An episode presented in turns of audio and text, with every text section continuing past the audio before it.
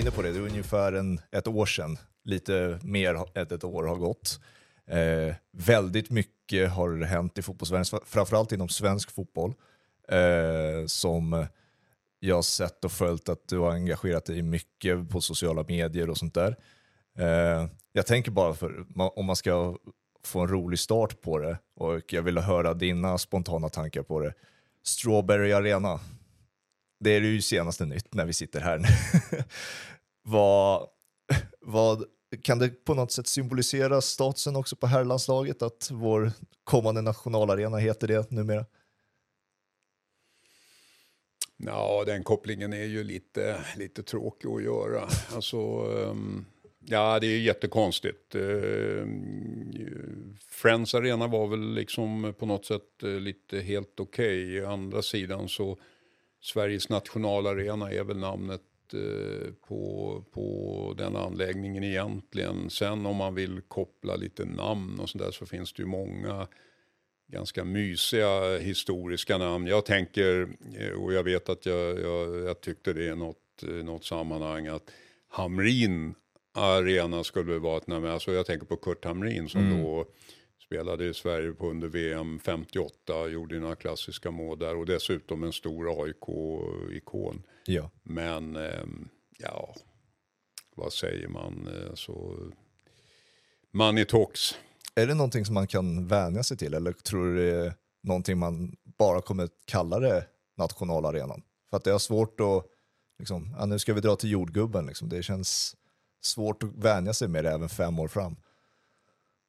Ja, det kommer säkert att, bli en massa, alltifrån eh, stråbär till jordgubben till gubben till eh, vad som helst. Men jag såg eh, fotbollsförbundet som ändå är, är en part i det här. Ja de deklarerar ju vinstsnabbt att de skulle kalla den för nationalarenan. Ja. Så det, det är jättekonstigt mm. att man har varit med och, och, och gjort ett avtal och, och, visste då att eh, namnet skulle, skulle bli det det blev.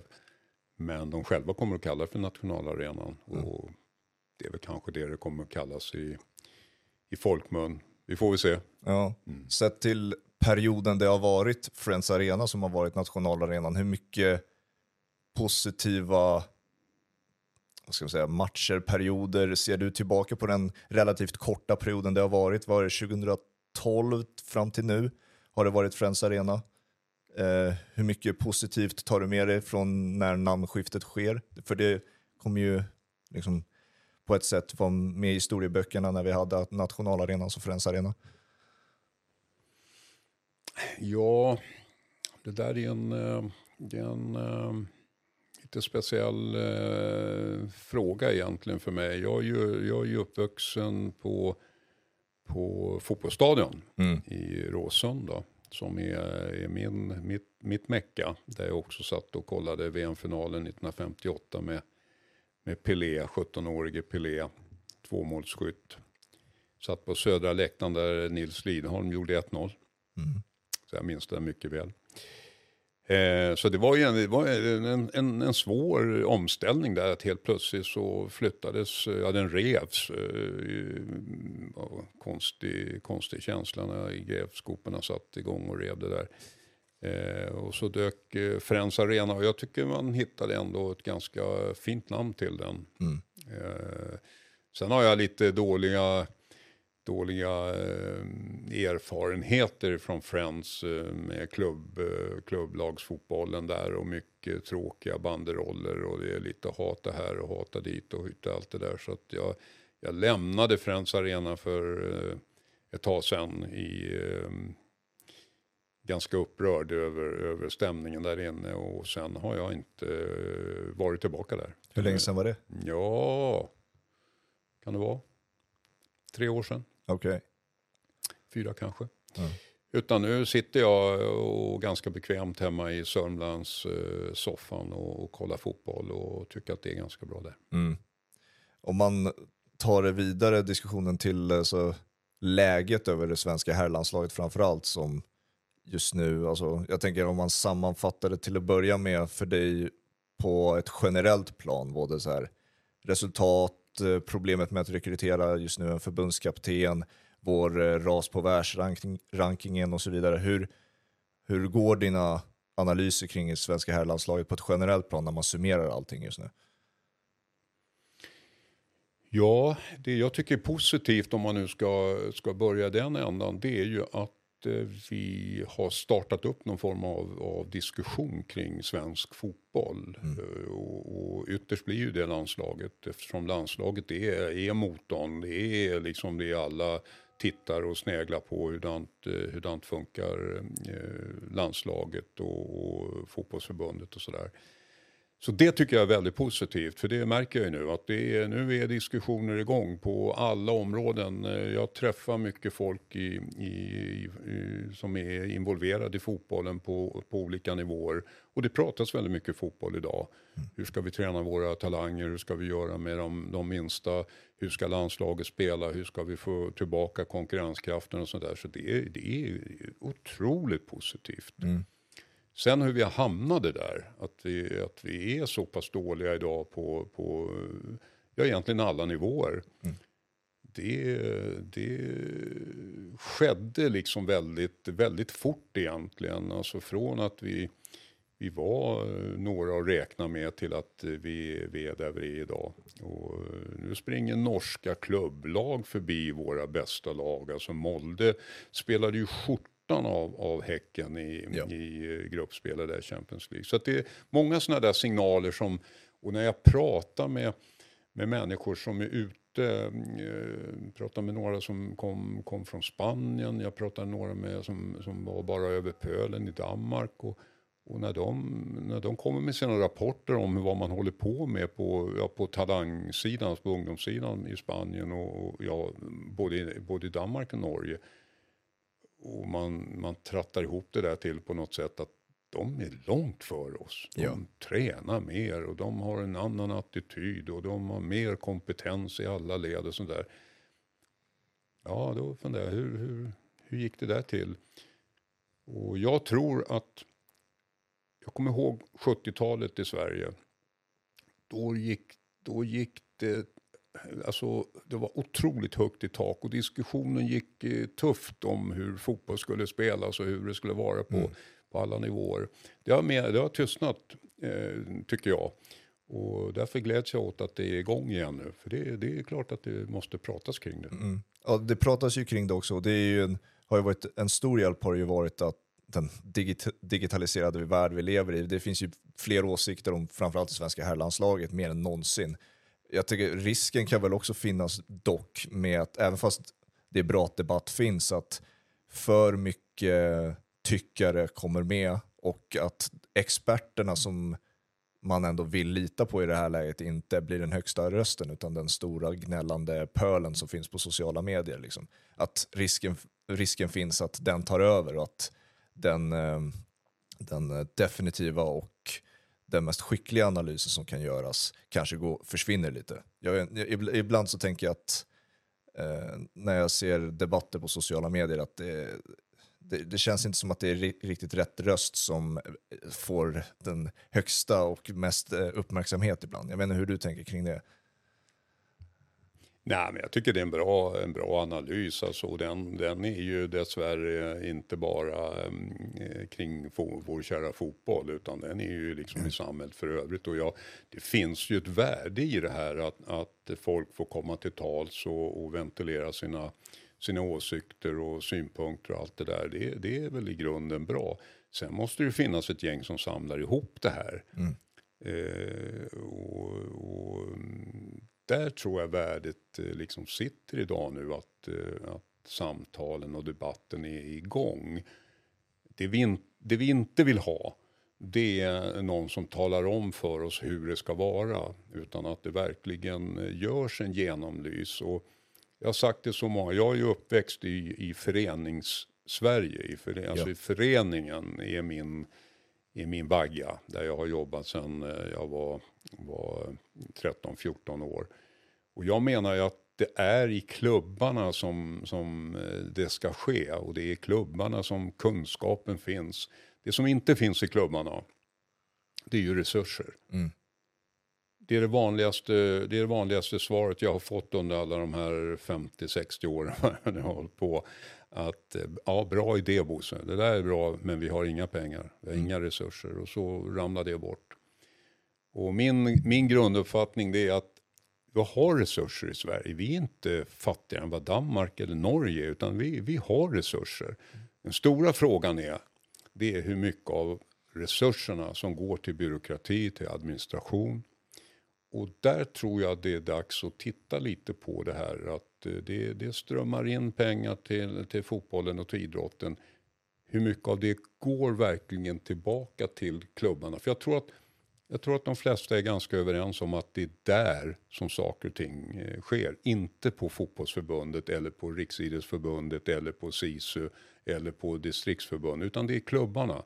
Alltså de riktiga gräsrötterna. Där finns idéerna, där finns e-, energin, där finns innovationen.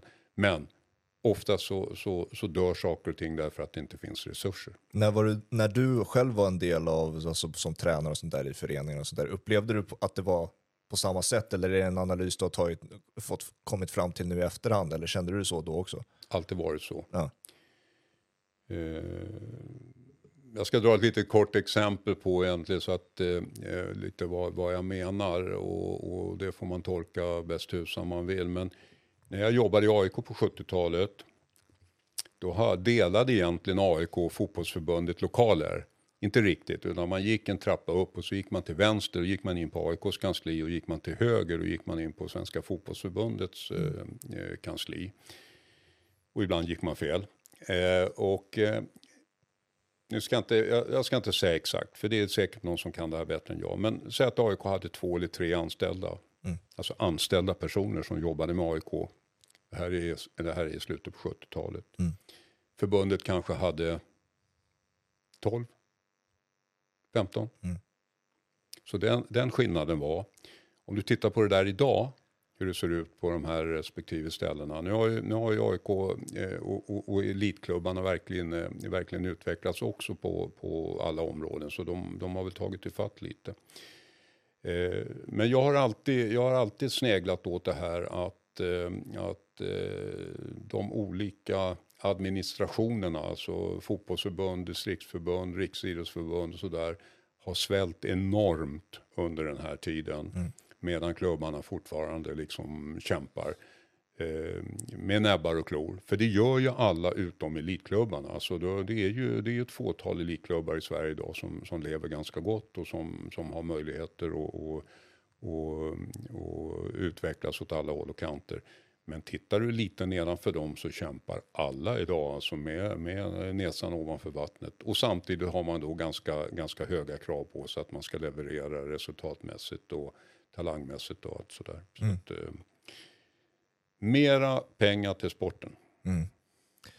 På, eh, på, tal om eh, förändring och sånt där har det ju skett i förbundet med den nya Eh, de nya anställda får man ju säga, de nya rollerna som fördelas också till, eh, det är Möllerberg, det är Källström och Wettergren. Är du optimistisk kring eh, eh, den nya, vad ska man säga, formen som bildas just nu på förbundet? Ja, jag tycker att, eh, att eh, nu känner jag, känner jag inte egentligen någon av dem sådär jätte, jätteväl. Eh, Kim Källström har jag träffat några gånger och, och, och följt hela hans karriär från, från Jan Caballero. Så att jag, jag, jag är ganska förhoppningsfull att det, det är rätt personer och, och, och, och också någon form av rätt organisation. Vi får väl se. Men det jag tror är viktigt att de här personerna som kommer in nu och som har höga ambitioner, det är ju ganska unga människor det här och, och, och alltihop, det är att de verkligen förstår att det är klubbarna som man ska lyssna med och som man ska fånga upp. Ja, det här lite som du var inne på, alltså det, bland klubbarna så, så finns det mycket idéer och mycket tankar och sånt här. Och så kanske förbundets stora, stora eh, eh uppgift i det här, det är att att samla ihop det här på något sätt så att man mm. sen då kan, kan, för landslagen menar jag, hitta någon, någon, någon, eh, någon tråd som gör att vi på landslagsnivå blir bättre. Ja. Uh, hur klubbarna ska bli bättre, det tror jag de klarar sig själva och, och med lite ökade resurser och sådär. Mm. Det var ju, i dagarna när vi spelade in det här var det ju lagom, eh, hon fick ju lite kritik Möllerberg för sin Mourinho-kommentar. Har du följt det själv? Oh ja. Vad oh tyckte du? Nej, jag tycker det är för dåligt. Eh, jag, jag kan tycka då att eh, hon menade det här med liksom lite glimten i ögat. Men ska man skämta, då tycker jag man ska skämta i eh, rätt läge. Ja. Och det där var inte rätt läge att dra ett skämt. Hur klurigt det var. Och, och eh, skämtar man dessutom med att sätta Mourinho bredvid sig själv i någon form av presentation. Då, nej, det smakade inget bra. Inte i min mun. Det är ju ett sidospår i och för sig, vi behöver inte landa där så länge, men eh, Mourinho som eh, profil nu, eh, vad, vad, tror du om eh, honom och hans framtid? För att det är ju det är en intressant karaktär. Bara, bara en tanke med Mourinho i landslaget kittlar ju såklart, men det är, en, det är ju eh, en, eh, vad ska man säga om Mourinho som inte redan har sagt såklart, det är svårt, men det är en tränare som verkar ha tappat det i alla fall i den moderna fotbollen som man gärna vill kalla det och den, alltså den, det har inte gått, det har inte, de har inte slagit ihop sig särskilt bra, Mourinho och den moderna fotbollen brukar analysen vara. Hur, vad går din analys kring den här typen av tränare som inte riktigt anpassar sig kanske? Ja, det där, är, det där tycker jag är väldigt intressant eh, samtalsämne. Eh, alltså vad är, vad är den moderna fotbollen och vad är eh, Mourinho-fotbollen och vad är Wayne Rooney-fotbollen? Alltså det, det, det Mourinho har varit väldigt bra på i sin karriär det är ju att ha varit på rätt plats vid rätt tillfälle. Ja. Det har ju varit hans stora, stora tillgång som jag ser det. Och han, hans framgångar med Porto där, det öppnade ju hela världen för honom. Och där gjorde han ju någonting som, som överraskade fotbollsvärlden. Men om man tittar på vilka spelare som fanns i, i Porto vid det tillfället så det, det var liksom inga dynghögar. Nej, nej. Utan det var ett ganska bra spelarmaterial han hade där. Och det har, varit, det har ju varit hans, eh, hans strategi att hamna som sagt var på, på, på rätta platser. Nu hamnade han helt plötsligt då i, i eh, Roma som, eh, som rent eh, spelarmässigt inte, inte var i, i konkurrens med de bästa klubbarna. Och då, då ställs det liksom lite andra saker. Och, och en, en eh, otålig Mourinho är, är nog inte så trevligt att ha i, i omklädningsrummet. Nej, men vi pratar ju om en av världens absolut mest meriterade eh, fotbollstränare. Mm. Så att eh, han kommer väl att han kommer väl att smyga hem till Portugal nu och bli förbundskapten där kan jag tänka. Det hade varit kul. Men alltså, frågan om Mourinho är också intressant, inte för att såklart, han är aldrig realistisk för ett svenskt landslag, men den typen av tränare kanske inte heller är den som nödvändigtvis vi letar efter i form av att vi kanske är ute efter en utvecklare mer än en, han, någon som kan han- hantera talang, talanger och ego som Mourinho är väldigt bra på. Eh, det är ju den här typen av förbundskapten nu som det diskuteras också om vi, vad vi bör leta efter. Har du landat in vad, vilka kategorier och vilka boxar den nya förbundskaptenen bör checka av? Ja, hundraprocentigt. Jag tycker att det finns några saker som, som är viktigare än andra när det gäller en förbundskapten. Alltså utveckling är ett litet märkligt ord på många sätt. Eh, eh, alltså det sker ju en utveckling hela tiden i ditt, i ditt sätt att, att jobba med ett fotbollslag.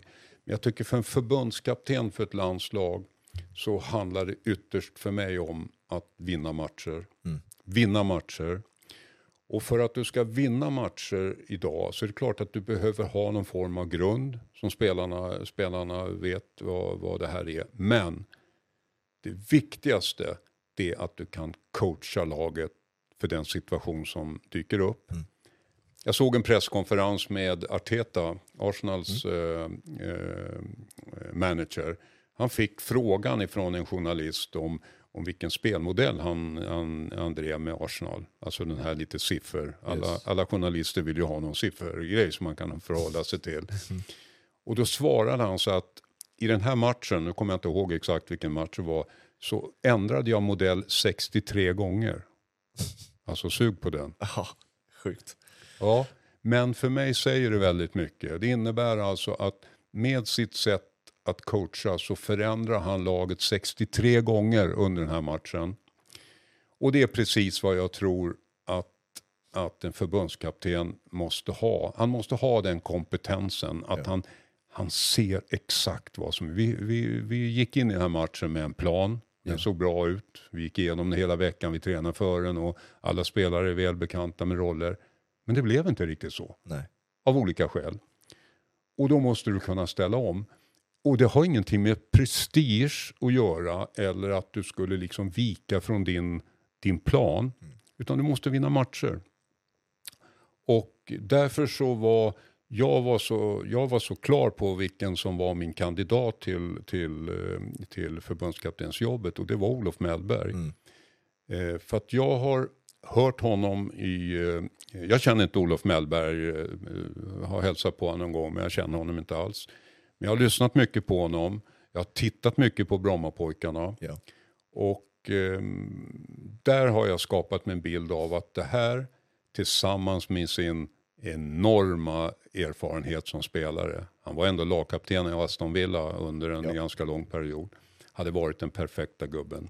Och att förbundet inte lyckades lösa den situationen, att han ville, de ville, utan skulle liksom snåla in på något sätt. Det, det, det kommer jag aldrig förlåta dem. Nej, Nej jag, jag vill eh, komma in på Mellberg-storyn också, men eh, bara sista där som du pratade om Arteta, att det är intressant med en ny förbundskaptensroll, att man, alltså man bör skilja på filosofi och spelplan. Alltså att det är, filosofin är ju Artetas och Olof Mellberg i BP's, alltså densamma, att de vill ha possession-spel och det ska gå snabbt och allt vad det är, snabba omställningar både defensivt och offensivt.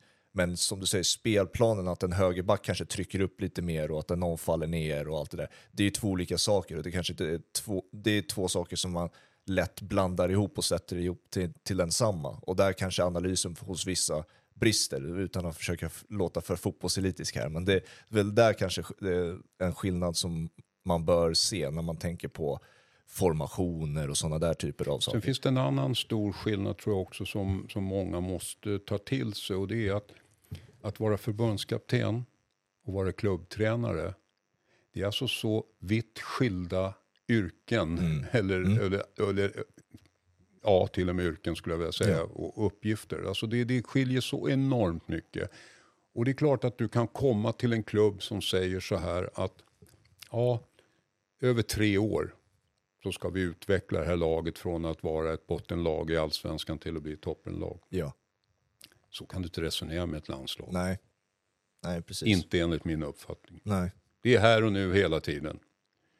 Och ehm, därför ställs det lite speciella krav och speciell kompetens och lite speciell personlighet. Eh, alltså den här vinnarmentaliteten som Olof Mellberg eh, har visat genom hela sin karriär och i olika sammanhang. Den, den hade jag gärna velat sett i det här omklädningsrummet med Kulusevski och Isak Ja. och Gyökeres och ja, allt vad de nu heter. Ja, om vi, vi får gå in på Mellberg-storyn. Hur, hur mycket, alltså, för det är ju från att eh, du bland annat, men många andra gratulerade Ol- Olof Mellberg på sociala medier och allt det där, var, nu har, är det klart, liksom, allting, det rapporterades om det och sen, vad kan det ha gått, 24-48 timmar innan och så vände allting och sen var han borta helt plötsligt. Hur mycket chockades du över den där tidsperioden, vad som faktiskt hände när, det, när du väl var i det? För det känns ju som att det går inte riktigt att jämföra med någonting annat, eller? Jag tror jag gick ut och stoppade huvudet i en snödriva där i Sör- Sörmlandsskogen. Jag trodde inte att det var sant. Alltså jag hade ganska bra inside eh, rapportering kring hur det där gick till. Så det var ingen tvekan. Nej. Det var liksom, känslan var att jag, eh, där på lördag eftermiddagen eller vad det nu var, så, så var det bara liksom det här handslaget liksom Yes. här är, skriver vi och välkommen. På måndag kör vi igång. Och så vänder det här. Och jag har sagt det också att jag hyllar Mellberg för att han tackade nej. För det är också en sån här situation som många klubbtränare hamnar i. Alltså de blir, jag tar Andreas Brännström, tycker jag är ett, ett väldigt bra exempel. Han, han kommer till AIK och eh, är jätteglad som stockholmare att få träna AIK. Och sen så blir spelartruppen och löftena någonting annat än vad han hade tänkt sig från början. Och det är många fotbollstränare genom åren som har hamnat i den situationen att man, man borde efter någon månad säga tack och adjö. Det, ni, ni, ni lovade inte vad ni höll. Nej, ja. Och därför är det här en omöjlig uppgift. Och precis så tror jag att Mellberg uppfattar det här. Och han, han då som person, eh, både ekonomiskt och, och, och med den karaktär han är. Han sa nej när det liksom blev någon form av snålvariant. Mm. Och det tror jag de blev chockade över faktiskt. ja, för att det var ju få som köpte det när han gick ut på den där lilla presskonferensen på Grimsta att det här handlar enbart om BP. Liksom. Det, det kan ju vara en del av det, absolut. Och jag vet ju också att Mellberg älskar BP och det de står för och projektet som finns där. Alltså, det här är första gången jag har sett, jag som är från Västerort har följt BP hela mitt liv, har sett BP komma upp från superettan, varit oftast bäst i superettan, komma till allsvenskan året efter, har varit sönderköpta och är klart sämst eftersom att de inte pallar med. Men det här är första gången jag ser BP dominera fotbollsmatcher i allsvenskan. Det har jag aldrig sett förut. Inte jag heller. Eh, och det jag är har så följt BP också. Det är så sjukt imponerande. Eh, och det ska Andreas Engelmark också ha en stor Ja, eloge till. Och, eh, hur mycket tror du det att han vill ha med sig Andreas? För det gick ju rykte om också, att han vill ha med sig sin assisterande, eller duo får man väl ändå kalla dem som, som de är. Hur mycket tror du att han ville ha med honom i det här? För det var ju inte det som rapporterades först, att, att han skulle vara med överhuvudtaget. Jag tror det absolut var en del. Och jag tror att det fanns delar i det där avtalet som Mellberg var helt övertygad om att, han, att de förstod att det här måste jag få bestämma. Det är klart att jag inte kan bestämma min lön och jag kan inte bestämma liksom avtalets längd. Men jag, ingen kan tro att jag går in i det här jobbet, i det här läget som Sverige är nu, med sämre villkor än vad föregångaren hade. Det är helt orimligt. Ja. Så att, eh, nej, jag... Ska jag sammanfatta det där så tror jag ändå att tittar man på ordförande, på generalsekreterare, på Kim och hans, eh, hans eh, eh, position där så, så tror jag att de, de blev lite sa, tagna på sängen. De Ja. hade inte riktigt den erfarenheten som kanske krävdes för att sitta och, och verkligen eh, förhandla fram ett förbundskaptensjobb. Som i mina ögon är det viktigaste på hela förbundet. Eh, Så det är den viktigaste personen på hela fotbollsförbundet. Det håller säkert inte alla med om, men jag, jag menar att det är det. För det är det som hela fotbollsrörelsen liksom samlas kring. Ja. Vi bryr oss inte så mycket vem som är teknisk direktör eller ens vem som är ordförande eller vem som sitter i förbundsstyrelsen. Men förbundskaptenen, det är ju våran gubbe. Mm. Det är ansiktet utåt på många sätt mer än ett. Liksom. Så är det ju. Eh, du, du sa ju att Olof var en klar favorit. Det var det för mig också. Eh, har du en nu? För att det känns ju också som att nu när vi spelar in det här och det får se hur många dagar det tar innan det publiceras. Men det, kan ju, det känns ju så att det kan poppa upp ett rykte när som helst liksom, om att det är en ny favorit som eh, finns där ute. Men det, just nu känns det väldigt tomt, ganska glest. Vad, vad, har du något namn som du gärna skulle vilja se? Eller som Nej, är realistiskt? Så, förlåt. Ja, precis. Eh, Alltså jag, känner, jag känner precis som du. Och det tror jag vi delar med väldigt många i det här landet idag. Att vi, vi är liksom tomma. Är Liksom, nu, får, nu får det bli vad som helst. Nu kan Andrea Möllerberg ta det själv. Alltså, nej men i princip så, så för mig idag så, så, så tänker jag så här, ja men Fredrik Ljungberg är ju en person på något sätt som, som känns lite som Mellberg fast de är, de är, de är olika karaktärer och med, med olika eh, bakgrunder på det sättet. Men ingen ska få mig att tro idag att Fredrik Ljungberg skulle liksom bli aktuell för det här idag. Dels bor han i England och sen att han då skulle liksom leva med ryktet att han tog jobbet med sämre villkor än vad, Ja. vad man erbjöd Olof Mellberg. Så det, det kommer inte, det, det, de, de, de kommer få svårt där utan det som kan dyka upp, va, det är väl en sån här liksom, internlösning. Alltså att uh, U21-kaptenen blir den som eh, blir tillfrågad och, Ja. och liksom tar det där. eh, att vi skulle kunna rekrytera någon utländsk tränare som, som man, man ändå öppnar för. För både Kim och Andrea Möllerberg var ju nere på Västergötlands fotbollsförbund och höll något föredrag här i, i veckan och menar på att det kan mycket väl bli en utländsk eh, tränare. Ja. Det är vi inte främmande för. Men eh, så utländska tränare som skulle komma och ta vårt landslag, ja då ska vi ju hitta någon sån här Mourinho-rookie då, då som inte någon känner till och som någon vet väldigt mycket om. Men, nej, det är spännande, mycket spännande ska det bli att se hur den där processen går vidare. Det, det känns ju också nödvändigt att släppa det där som många fortfarande liksom håller fast vid, att det måste vara en svensk. Alltså att den som är bäst lämpad för jobbet är den vi ska ha. Inte spelar roll om det är svensk eller inte. Det, jag blir frustrerad ibland att när något namn poppar upp, när Potter ryktades om att han var intresserad, att eh, nej det ska vi inte ha för att han inte är svensk och allt det där. Att det är otroligt tråkigt att höra sådana typer av analyser. Ja, och, det, och, och i, den, i den spannen så kan man säga så att jag, jag har hört och, och förstått att Tony Gustafsson är en, en, en person som också har figurerat på, på någon lista och det är väl helt okej. Okay. Mm. Tony känner jag lite grann och han har gjort ett fantastiskt jobb. Men då, då menar jag, då är ju Pia Sundhage lika, ja. lika aktuell. Nu är hon ju inte aktuell idag som du och jag sitter eftersom hon har tackat ja till ett, ett, um, ett jobb i Schweiz. Men, yes. men hon skulle ju kunna vara i så fall, tycker jag, som en mer meriterad eh, person än vad Tony Gustafsson är. Mm. Vad tycker du eh, om de namnen som du nämnde, Jens Gustafsson och vi har eh, Mellberg sen tidigare och så har vi Ljungberg och sen har ju även eh, Solskär var ju någon som ryktades. Vad tycker du om eh, de här namnen utöver Mellberg som har ryktats om? Är det en gnutta desperationer anar man när man läser att Solskär har blivit tillfrågad och sånt där till exempel? Det känns, känns inte riktigt som att de heller har något riktigt mål i sikte. Ibland, alltså om man tittar historiskt så så ibland lägger man ju ut rimridåer, alltså man poppar upp en massa namn mm. och så håller man på att jobba med någon annan. Det, det, det förra generalsekreteraren lyckades med det var ju att hemlighålla eh, Jan Andersson. Mm. Det fanns ju inte någon som spekulerade i Jan Nej. Andersson.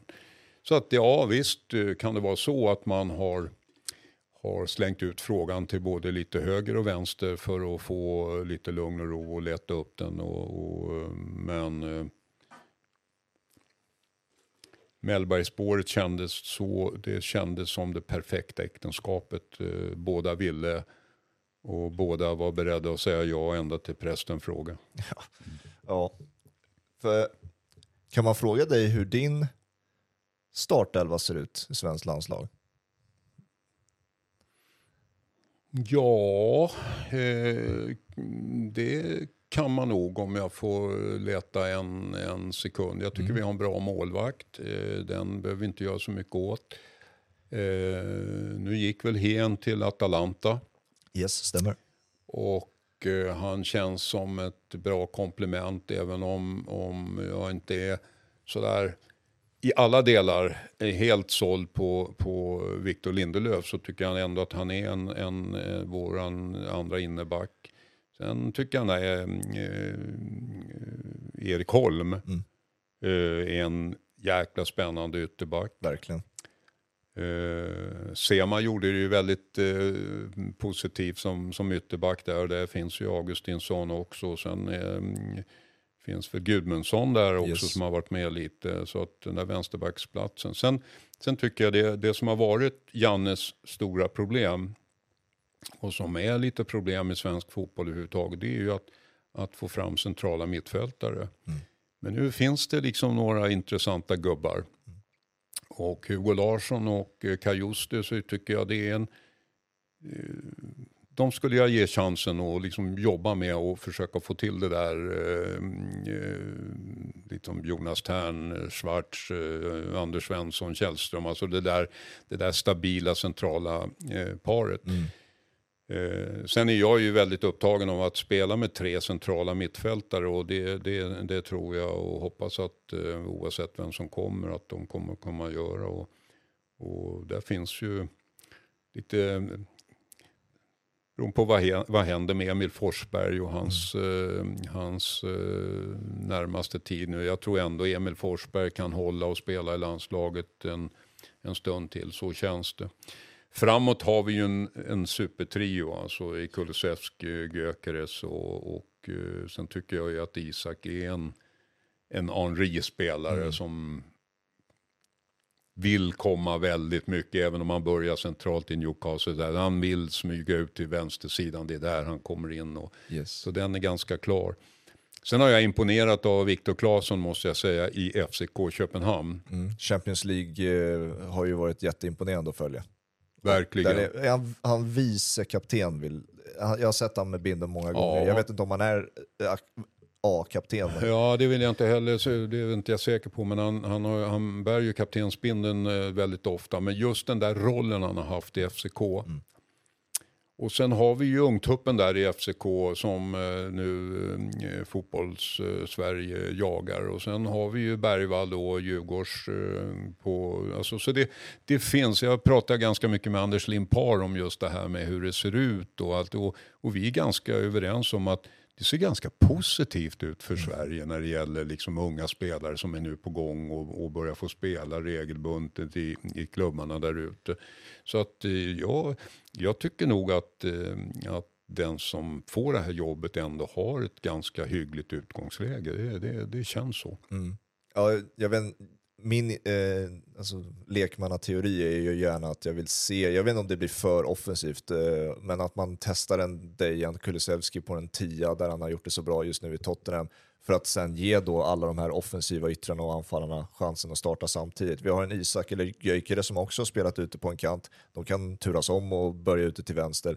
Och sen så har vi då Bardghji, vi har Jesper Karlsson och vi har en, ja, min eh, min kompis eh, Taha Ali i eh, Malmö vill jag ju se betydligt mer eh, få chansen i svenska landslaget. Han gjorde ju en bra match nu mot, vilka var det? I vatten, vattenpolo-matchen. Ja, exakt. Mm, mm. Fick ju en assist Ja, hans första 20-30 var ju väldigt, väldigt bra. Och jag är helt övertygad om att det är en, alltså, hade gjort, han gör det bra i vilket lag som helst, eh, framförallt inom svensk fotboll, för att det finns ingen sån spelare längre som tas fram i Sverige, den där typen av dribbler som eh, påminner mer om brasiliansk fotboll än svensk. Eh, hade varit kul att se eh, bredvid sådana superstjärnor som Isak och Kulusevski, se hur bra han kan bli i den miljön.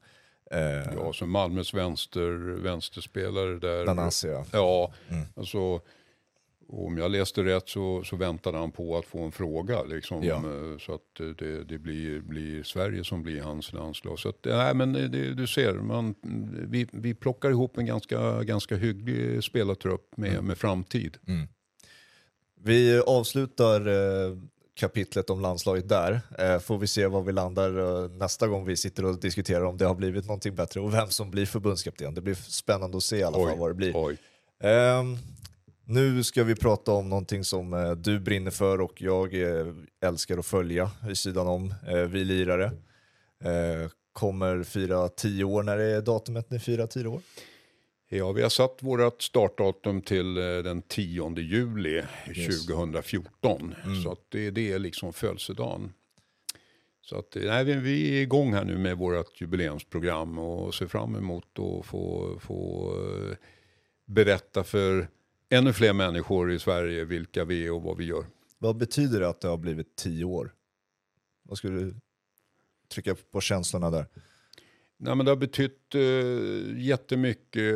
Du vet ju att vi uh, skapade ju det här, um, uh, det här organisationen, nätverket efter den tragiska händelsen nere i, i Helsingborg. En Djurgårdsreporter miste livet där och vi tyckte att vi vi eh, som hade levt i idrotten och fotbollen ville markera verkligen tydligt att, att det är den goda kraften mm som finns i idrotten och som måste segra. Och vi ville, vi ville redan liksom första dagen göra det på vårt sätt genom att vara ute bland liksom människor och prata och sprida det här med goda värderingar av vad som är rätt och fel och vad som är gott och ont och sådär. Det var vi överens om Tommy Söderberg och Anders Limpar och Niklas Holmgren och, och, jag och några till där som, som drog igång det här. Och vi fick ett, eh, på något sätt så ville vi lite, lite kvalitetssäkrare, så vi sa det, vi, vi, vi försöker samla före detta eh, aktiva spelare, tränare och, och domare också, mm. eh, tjejer och killar. Nu har det där spritt sig lite så att vi har eh, Besara är med som ambassadör idag. Vi är ju 650 ambassadörer nu i, i det här nätverket och, och ute på en 10-12 olika aktiviteter på, på ett år. Och, och syftet med aktiviteterna det är, det är ganska enkelt och det är att dels vara där ute och prata med folk och, och, och, och sprida det vi vill göra. och Visa upp eh, den goda sidan av idrotten. Men vi försöker också få några kronor över som vi samlar ihop till ett årligt stipendium som vi delade ut nu för, för sjunde året. Och det här var väl fjärde året vi delade ut 100 000 mm. till, eh, till, eh, i det här fallet blev det en eldsjäl från Östersund. Man har gjort ett bra jobb med framförallt flickor uppe i Östersund. Så att det sker då på vår stipendieutdelning i, i november och det mm. gjorde vi här nu då. Så att, eh, nej men jag är jättestolt och glad över att, att vi har gjort det vi gör. Och eh, nu har vi en ambition här och det är väl det som, eh, som jag försöker krama ur med nu sista energin. Där, det är att vi ska försöka inför 2025 att gå från att vara en ideell organisation till att bli professionell. Mm. Så tillvida att vi försöker hitta någon som på ja, på heltid kan driva loket. Eh, jag fyller ju 78 år nu i, i sommar och eh, börjar känna lite att de här tio åren, de, de, ehm, de, eh, de har tagit lite energi och kraft. Men jag har gjort det med stor glädje och, och, och tänker fortsätta och, och, leda stiftelsen som, som är då eh, den styrande i det här. Eh, men eh, jag behöver lämna över till, till något yngre lok mm -hmm. som kan dra det vidare. För det har varit, det har varit vår gemensamma uppfattning från dag ett. Det är att det inte skulle bli liksom ett, ett projekt Nej. som startar och slutar. Utan vi vill, Martin Mutumba sa någonting fint till mig här, han, eh, han är en av de som kommer på till vårat fotbollsskola. Han sa, Bosse, så länge det finns fotbollsspelare så ska vi se till att vi lirare finns. Och det tycker ja. jag var väldigt bra sagt. Mm. Och det är precis så, så jag vill. Så att eh, vi kommer fara runt i, i, Sverige lite här nu med Vi lirar-laget och med lite inspirationsaktiviteter eh, och sånt där. Och avrunda året sen eh, i eh, slutet på november och dela ut vårt eh, åttonde stipendium blir det då, sjunde eller åttonde. Mm. Eh, så, att, eh, och så ska vi försöka hitta på lite roliga saker så vi får fira ordentligt. Ja, för I er broschyr som jag tagit upp tidigare som du författade att det var målsättningen efter tio år var ju att, den, att man skulle ta nästa steg och det är ju lite det du är inne på också. Men att när jag pratade med dig förra gången också var det ju att stegen ska tas ut från Stockholm. Det är väldigt Stockholmbaserat och att det ska spridas mer ute i landet. Man får känslan av att det börjar liksom förverkligas det och det börjar bli konkret nu också. Verkligen. Eh, vi gjorde ju ett, eh, en aktivitet förra hösten i Malmö. Vi har varit uppe i Luleå. Vi har varit i Helsingborg, vi har varit i Gävle, vi har varit i Skara. Men eh, vi har hittills inte lyckats eh, göra någonting ihop med västkusten. Mm. Och, så att det är vår stora ambition nu då, att försöka göra någonting tillsammans med eh, klubbarna i Göteborg. Vi har varit nere på, på, mm, eh, på några möten här under hösten nu. Då, så att det, det, förhoppningsvis så ska det växa fram till en, en sån här eventdag, vi lirar dagen som vi kallar den för, där vi samlar ungdomar och, och, och lite inspirationsföredrag och sånt där. Så att det lever. Sen, sen har vi också eh, parallellt med det här eh, börjat och, och och få till ett samarbete med spelarföreningen. Mm. Eh, så vi har alltså massa gemensamma saker där som vi kan göra och inte minst kring det här med psykisk ohälsa som är större och, och mer utbrett än vad folk anar. Yes. Och det gäller spelmissbruk och annat eh, alkoholberoende och så vidare. Så att vi hoppas få till ett, ett samarbete där också som vi vill, eh, eh vill utveckla. Eh, jag måste få nämna det i sammanhanget. Eh, jag vet att, eh, att eh, säkert några kommer att, att, reagera på, men vi, Vi har lagt ner väldigt mycket tid under de här åren på att få till ett samarbete med Svenska fotbollsförbundet. Mhm. Men eh, misslyckats och vi har inte riktigt förstått varför. För vi menar ju att vårt ambassadörsnätverk idag nu med eh, guldbollvinnare, diamantbollvinnare, med Champions League-vinnare, med landskamper, eh, hur, hur många som helst. Det var någon som räknade ut att vi hade ungefär 18 000 års erfarenhet i ambassadörsnätverket. Så har fotbollsförbundet ändå inte riktigt förstått vilken kraft som finns i det här nätverket. Och vi är ett unikt nätverk på det sättet att vi spänner ju över alla klubbar. Vi är inte liksom, utan vi pratar väldigt mycket om det här med vänskap över klubbgränser. Och som jag tycker är en väldigt fin devis om man liksom drar det eh, ganska långt ut. Alltså, när djurgårdare säger någonting så lyssnar djurgårdare och när Malmö FF säger någonting så lyssnar MFF-are. Vi har en, en, en unik möjlighet att kunna framföra olika budskap eh, som en röst eh, där vi då representerar som sagt var eh, alla klubbar och på, både på dam och herrsidan. Mm. Tyvärr, så att vi, vi håller på nu och försöker öppna dörren lite mot svensk elitfotboll och eh, elitklubbarna och se om de är lite mer sugna än förbundet. Något annat som, alltså, det, var ju, det- kom lite från ingenstans i maj, men jag, uppskattade det enormt. Det var ju den här debatten ni drog, eh, tog fram. Är det, finns det fler planer för det? Det var ju Expressen, jag har den här, som man, för de som inte har sett den kan, kan se den i repris. Eh, tre timmar, det var ju superbra, jätteintressanta ämnen som togs upp och det är väldigt eh, Eh, bra gäster som, eh, som var med och deltog i den här debatten. Det var ju Lund, Olof Lund och Jens D. Andersson har vi där i bild och vi, Marcus Birro var med och sen hade vi ju eh, de som var med i publiken som hade väldigt, eh, väldigt bra punkter, synpunkter och var namn där också. Det var Peter Kisvalodi som har varit här, var Tommy Söderberg och allt möjligt. Sådana där typer av arrangemang, kommer det, hur mycket fler siktar ni på att sånt kommer i framtiden? Absolut. Eh, vi, vi under de här aktiviteterna vi har planerat nu, alltifrån vår fotbollsskola till några inspirationsdatum som vi har inprickat i vår verksamhetsplan. Där kan man gå in på vår hemsida och titta. Så kommer vi att försöka återkomma till det. För det blev som du säger väldigt uppskattat. Det som många har framfört till mig efter, det är lite det vi var inne på här i snacket nu. Det är att prata lite mer om, om fotbollen, alltså det som sker på plan. Ja. Det här var ju lite ämnen om 51%-regeln, om, om ehm, talangutveckling. Eh, Olof Lund pratade lite om, om ehm, trans, eh, vad heter det? Ehm, Journalisternas eh, Ja, tillgänglighet och- till fotbollens transparens. Exakt. Eh, så att några, eller några, ganska många efteråt har kommit och sagt att ja, men vi skulle ha pratat lite mer 4-3-3 och liksom press och, och fembackslinje och sånt där. Ja. Så den, den diskussionen och den debatten, den ser jag fram emot att, att vi ska ha. Ja. Och, och den hoppas jag att vi ska kunna genomföra eh, under, under året. Ja. Av de punkterna som togs upp, eh, är det någonting du brinner extra för?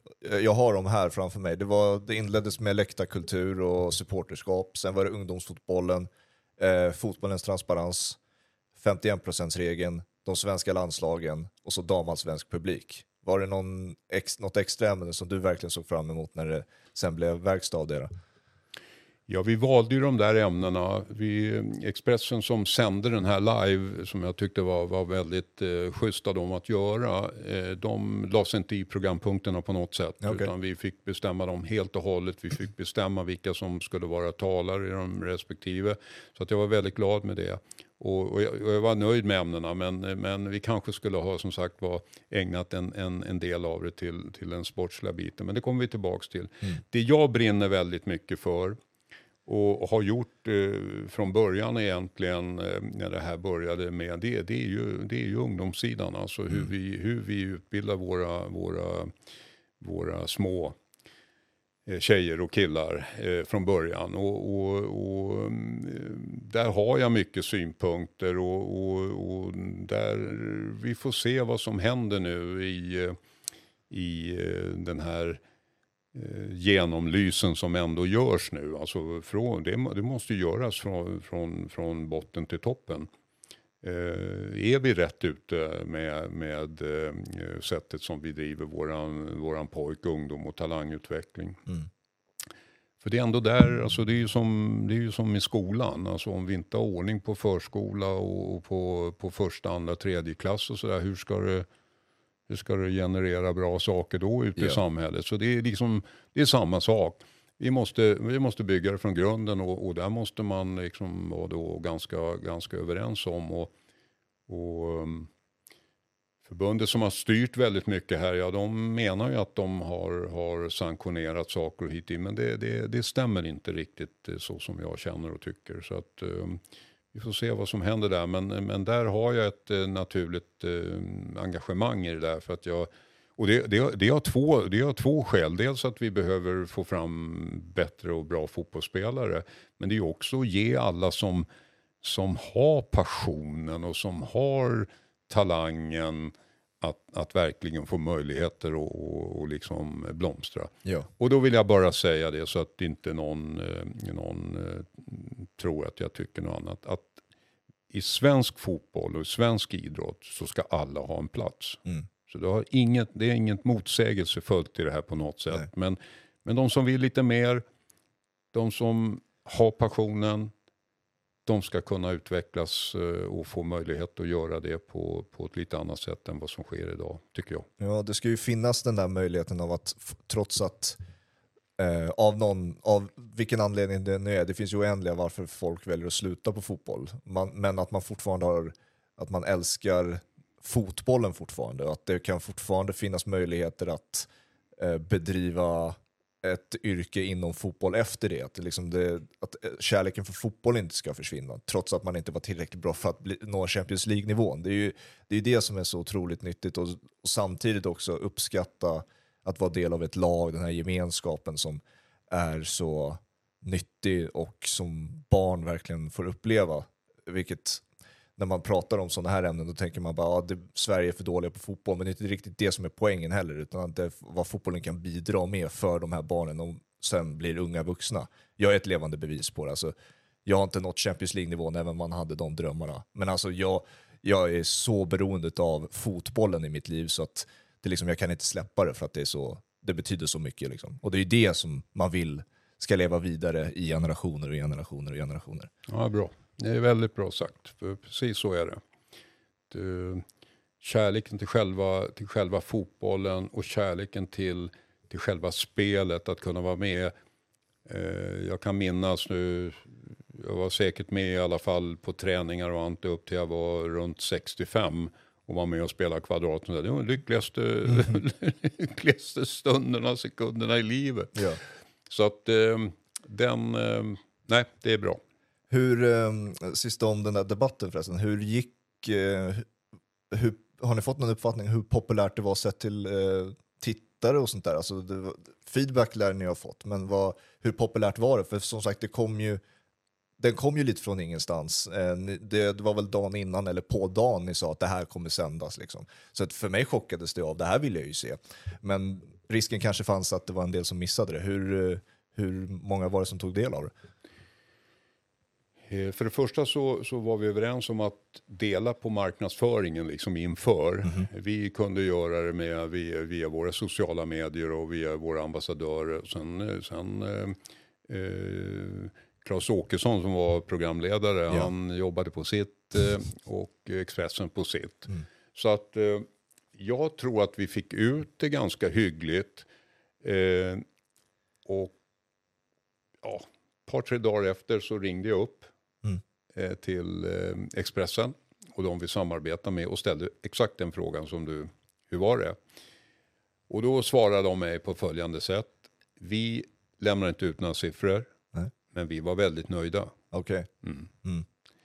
Så att det svaret gav mig liksom att ja, men eh, då, då, då var det några som kikade på det här. Det finns en för publik för det, det är mm. ju absolut viktigaste. Så att det, fler kan ta del av sådana här diskussioner, det är ju superviktigt. Eh, om man eh, skulle fortsätta på det där spannet, vad just nu där det finns mycket får ju ändå säga det, negativ, negativa ämnen inom eh, svensk och global fotboll just nu. Vad skulle du, om man skulle kunna pinpointa glädjeämnen inom svensk fotboll istället, vad, vad är det du blickar åt då skulle du säga?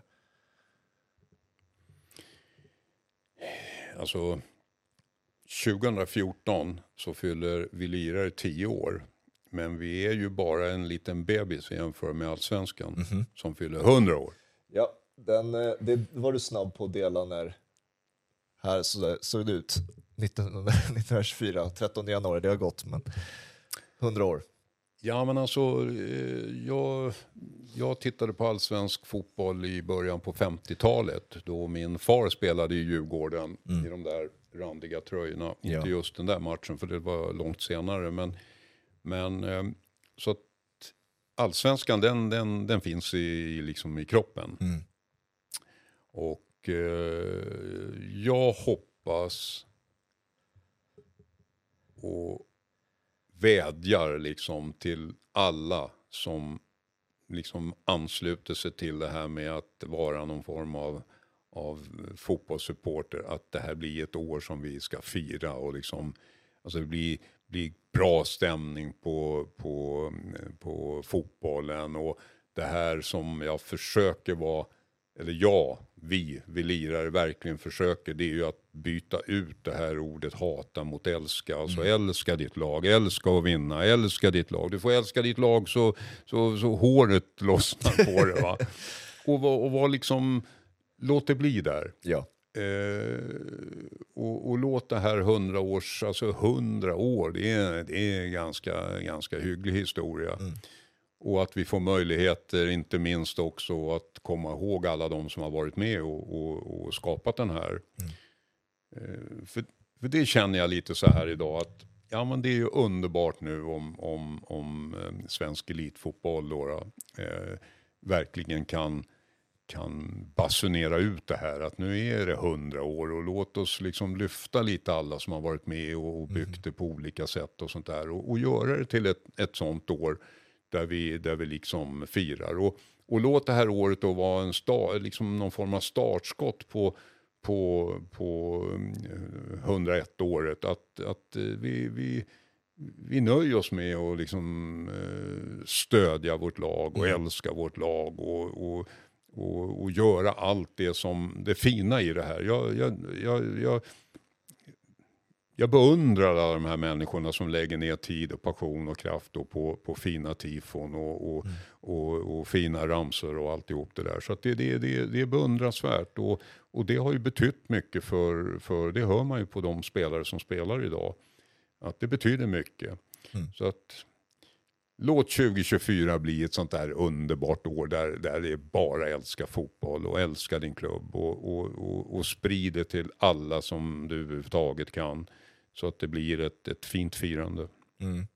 Är det glädjeämnet just uh, allsvenskan också? Det är kanske en liten bred fråga egentligen, men vad, vad är det för typ av fotboll du väljer att konsumera numera? För uh, det, det, den globala fotbollen, alltså egentligen all fotboll utöver svenska gränsen, är ju väldigt annorlunda jämfört med allsvenskan. Så vad, vad är det du väljer att konsumera nu? Ja, alltså, jag, jag Premier League är ju, är ju en, en liga som jag har följt också sedan sen väldigt, väldigt lång tid tillbaka. Och när jag jobbade med det här eh, i, eh, som någon form av expert då, på Viasat som det hette då, då, då var jag tvungen att plugga alla ligor. Mm. Det var ju både Serie A och franska ligan och Bundesliga och, och, och eh, naturligtvis Premier League. Alla stora ligorna. Ja. Och det var ganska slitsamt. Mm. Var många timmar och, och, och försöka och skaffa sig någon uppfattning. Men idag så är det Stryktipset som är, som det är liksom, det har jag också med mig sedan barnsben. Så att, eh, och Stryktipset styr liksom mitt tittande lite. Så ja. att, um, är det Championship och, och, Premier League som det oftast är på Stryktipset, då, då är det de två ligorna som jag försöker hänga med. Ja.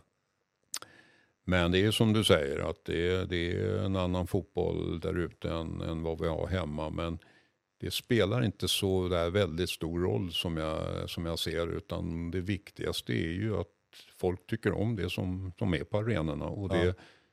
Allsvenskan slog väl någon form av publikrekord 2023. Mm. Det har aldrig varit så mycket folk som har tittat på allsvensk fotboll. Ja.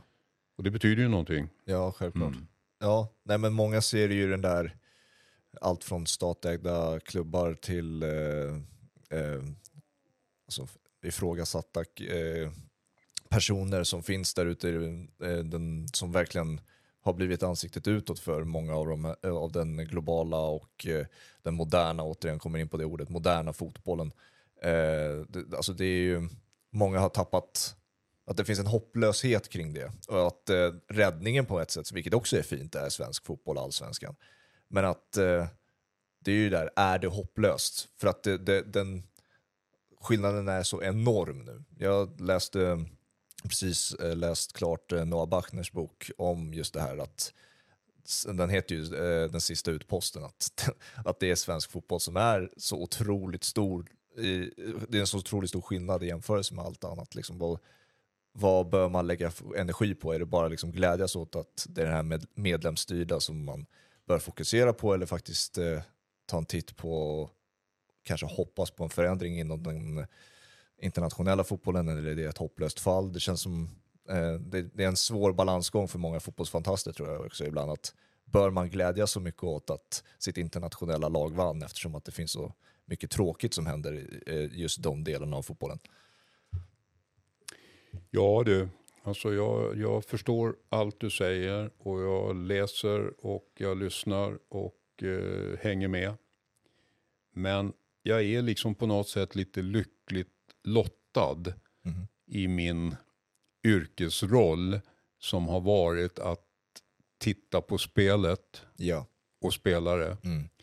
Jag har liksom inte behövt bry mig så mycket om eh, vad som sker runt om. Varför är den spelaren på plats och varför försvann han och allt ja. det där. Utan det har varit väldigt fokus. Och däremot så blir jag liksom lite, lite sned när man slänger iväg ibland då en, en tweet på att eh, Man City spelar en fotboll så att man knappt kan sitta stilla. Mm. För det gör de mellan varven. Mm. Det är alltså en fotboll som är, den är, den är på alla delar så, så fantastisk. Så kopplar man det till ägarstruktur och var pengar kommer ifrån och mm. det är väl inget konstigt och sådär. Så att, eh, det, blir jag lite, det blir jag lite sur på för att eh, jag det är två olika saker. Mm. jag, kan, jag kan förstå, men då måste vi titta på liksom hela, vår, hela vår vardag. Ja. Hur ser det ut liksom i vår vardag utanför fotbollen? Och ja. Vem äger vad? Och vem flyttar hit? Och var kommer saker ifrån? Och hur, hur tillverkas det? Alltså det, blir en, det blir nästan en omöjlig situation att leva i. Verkligen. Alltså det är bara de här som är så populära. Alltså läs på lite om hur de här tas fram. Eh, det är inte en jätterolig läsning alla gånger. Att, och det är någonting som alla använder varje dag är helt beroende av. Skärmtiden ligger på mellan, eh, snitt, vad är det, mellan 4 och 10 timmar per dag. Liksom. Och det, det är som du säger, alltså, om man går hela vägen till grundkällan av var någonting kommer ifrån så är, kan det vara oftast en ganska negativ eh, research. Men...